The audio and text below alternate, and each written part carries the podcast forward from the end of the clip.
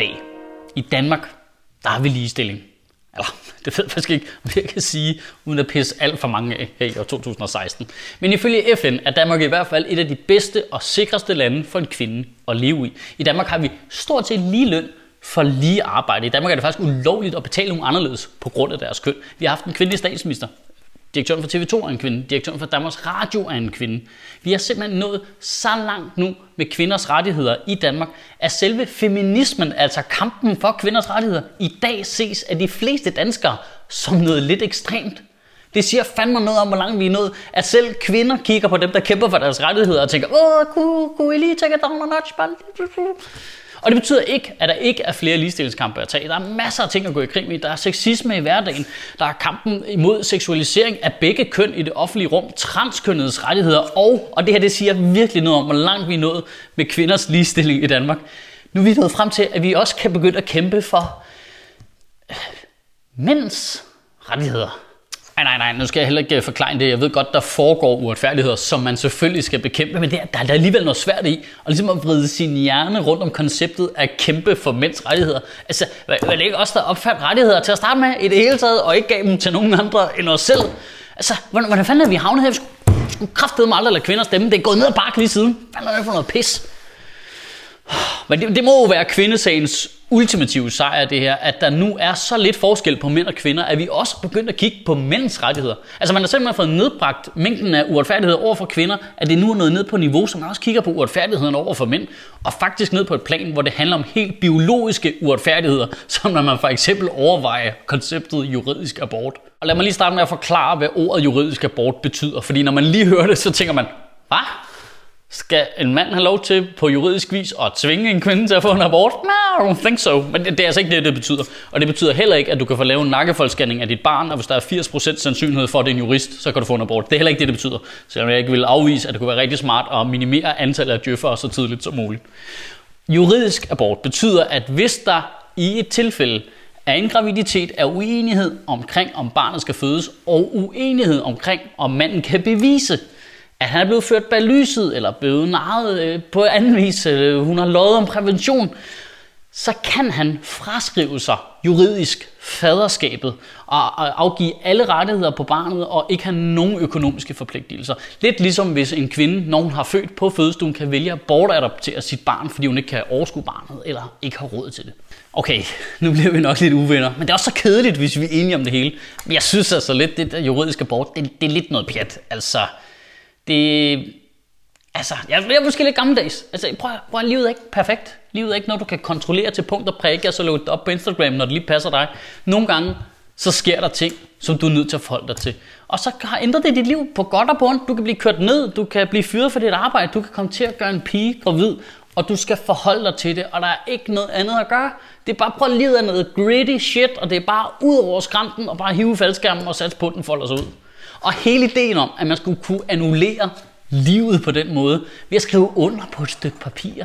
Undskyld, men det er super naivt. Det er sådan noget, folk, der ikke selv har børn, tror gør en stor forskel. Wow. Det er fuldstændig ligegyldigt. Altså, hvor nederen omstændighederne har været, hvor psykopatagtig den kvinde har været, hvor uheldig fyren er. Det er fuldstændig ligegyldigt. Det er hendes krop. Hvis hun vælger at få barnet, så kommer der et barn, og lige meget hvor nederen alle involverede er, så findes det barn. I har det barn sammen. Det barn er et person. Det barn er et menneske. Det kan man ikke bare annullere. Du kan, du, altså, du kan ikke skrive under på et stykke papir og sige, ah, men jeg har ikke nogen arm. Okay, så kan vi da godt lade som om du ikke har nogen arm. Men, du ved jo godt, du har en arm. Altså, arme Michael, er det så ikke mega uretfærdigt? Jo, det er det. Det er super nedtur. Hvis en eller anden nedturskvinde bare gå ud i byen og bevidst narre en fyr til at lave et barn på hende. Der er ikke noget, vi som samfund kan gøre ved det. Det er super uretfærdigt. Det er ikke ligestillet, og der er intet, vi kan gøre ved det. Det er kvinden, der har livmoren. Manden har sæden. Mindre vi alle sammen bliver til hermofoditter og hedder hen og går i song, så kommer der aldrig ligestilling på det her område. Det, det er fuldstændig utænkeligt. Det er jo altså to mennesker, To mennesker, ikke en, to mennesker, der vælger at have ubeskyttet sex med hinanden. Det, det valg laver de hver for sig. Det er to mennesker, der vælger. Det er egentlig ret failsafe system lavet fra naturens side. Altså det er lidt ligesom sådan en atombombe afsted, hvor det er to forskellige mennesker, der skal stikke nøglen ned i og dreje den rundt samtidig for at sende bomben afsted. Så kan den anden jo ikke komme bagefter og sige, ah, men faktisk havde jeg slet ikke lyst til, at bomben den skulle sendes afsted. Ah, okay, fint, men du havde ikke noget problem med at stikke nøglen ned i låsen, vel, og trække den ud og ind og ind og ud, ind og dreje rundt og dreje rundt og om i den anden lille bit lås, og bare slå på låsen med din store nøgle. Det havde du ikke noget problem med, vel? Nej, men hvad nu, hvis hun så har kondomerne med, og så har hun i virkeligheden bare klippet hul i dem og stukket i dem med en nål, så han bliver gravid alligevel og bare totalt narret ham. Ja, okay, okay, men så må du lade være med at bolle med Kaiser Søse jo. Altså, seriøst, hvad er det for nogle superskurkeagtige kvinder, du har sex med? Det stikker der helt af, det der. Men for, når man følger den der debat, så får man nogle gange indtryk af, at der er bare sådan en kæmpe spermkub i gang, og folk er bare totalt listetyve, og bare fire sig ned fra loftet, og bare dum, dum, dum, dum, dum, dum, bare giver blæs til højre og venstre, der er bare folk, der bliver fået støvsuget deres underbukser med fissen.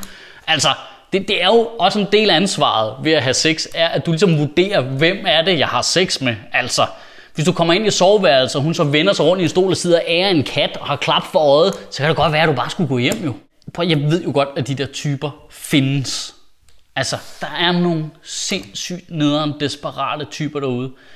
Som, altså, prøv at tænk på, hvor nederen du skal være, hvis du gør det med vilje og fuldt overlæg. Altså, Altså en ting er, hvor psykopatagtig nederen der er over for den fyr, men bare egoismen i det, også over for det barn. Prøv at tænk på det syvårige barn, der kommer til at stå og spørge, hvem er min far? Altså mit hjerte revner, når jeg tænker det højt. Altså fuck, du er en ondskabsfuld satan, hvis du gør det der med vilje. Men jeg synes det ikke også, det er ekstremt vigtigt at holde fast i, at i lang, lang, lang, lang, lang, lang, lang de fleste tilfælde, hvor der er et problem, med de her børn. Hvem skal vi have barnet? Skal vi ikke have barnet? Vi er blevet ufrivilligt gravide.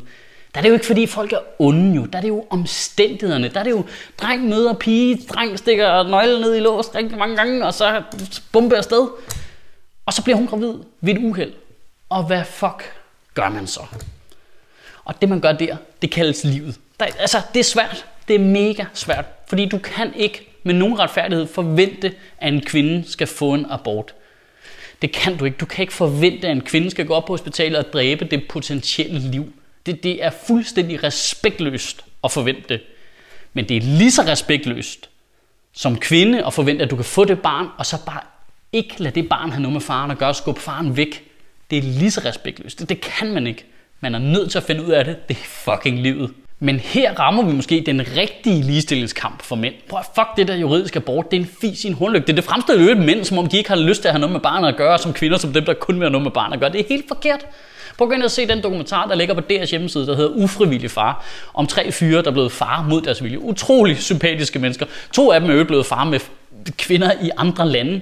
Og deres problem er jo ikke, at de ikke kan fraskrive sig retten til barnet. Deres problem er det modsatte. At de ikke kan få lov til at være sammen med barnet. Det er der, den rigtige ligestillingskamp ligger for mænd. I dag er det utrolig nemt for kvinder at skubbe fyren væk. Og det er med statsamtet i ryggen, i ryggen. Altså en kvinde i dag kan uden problemer gå i byen, få et barn med en fyr, og bare slet ikke lukke ham ind, bare holde ham fuldstændig ud, og med loven i ryggen forhindre, at det barn og den far får et normalt forhold. Det er den rigtige ligestillingskamp, for det er totalt fucked up. De regler, som statsamtet bruger i dag, de lavede engang i 70'erne nogle mandehadende rødstrømper, som, altså, for hvem det var fuldstændig utænkeligt, at ro og faste rammer var noget, der kunne være i forbindelse med en far, eller det ville blive et problem for det barn i fremtiden ikke at vide eller have et forhold til, hvem sin far var. Det er den rigtige ligestillingskamp for mænd at få lov til at have noget med børnene at gøre. Kan du have en rigtig god uge, og husk, som Kjell Haik altid sagde, don't stick your dick in crazy. Ej, jeg læste kraftigt et sted, at der er nogen, der sammenligner det at kvinden bare kan få et barn med manden med voldtægt. En krænkelse på linje med voldtægt. Ah, ah, okay, okay, okay. Slog hun dig i ansigtet imens med et døbejernsrør? Ah, okay. Skulle så lige, lige, lige tage den ned? Lige to, lige to hak ned. Og så skal du huske, at hvis du har lyst til at hoppe ombord på det kæmpe store Sjøtministeriet tog, tut, tut, det kører nemlig lige nu, så skal du gå ind på sjøtministeriet.10.dk, hvor du kan vælge at donere fast til de her ugenlige taler. Det vil sige, at hvis øh, du vælger selv øh, et beløb, hvis du siger 5 kroner har jeg lyst til at donere, så giver du 5 kroner hver gang vi laver en tale. Så trækker vi det fra din konto, og så ved vi, hvor mange penge vi har arbejdet med fremadrettet. Modsat hvis du giver et enkelt beløb en gang ind på PayPal, så ved jeg jo ikke, om jeg får nogen om tre måneder, så kan jeg ikke øh, ansætte nogen til at lave ting. Så det andet er meget federe, hvis du går ind på sjøtministeriet.10.dk, så ved vi, hvad vi har arbejdet med, og så kan jeg få flere folk involveret, så kan vi lave flere ting, og flere interviews på Nørrebro Teater, og måske også lige om lidt noget rigtig sjovt.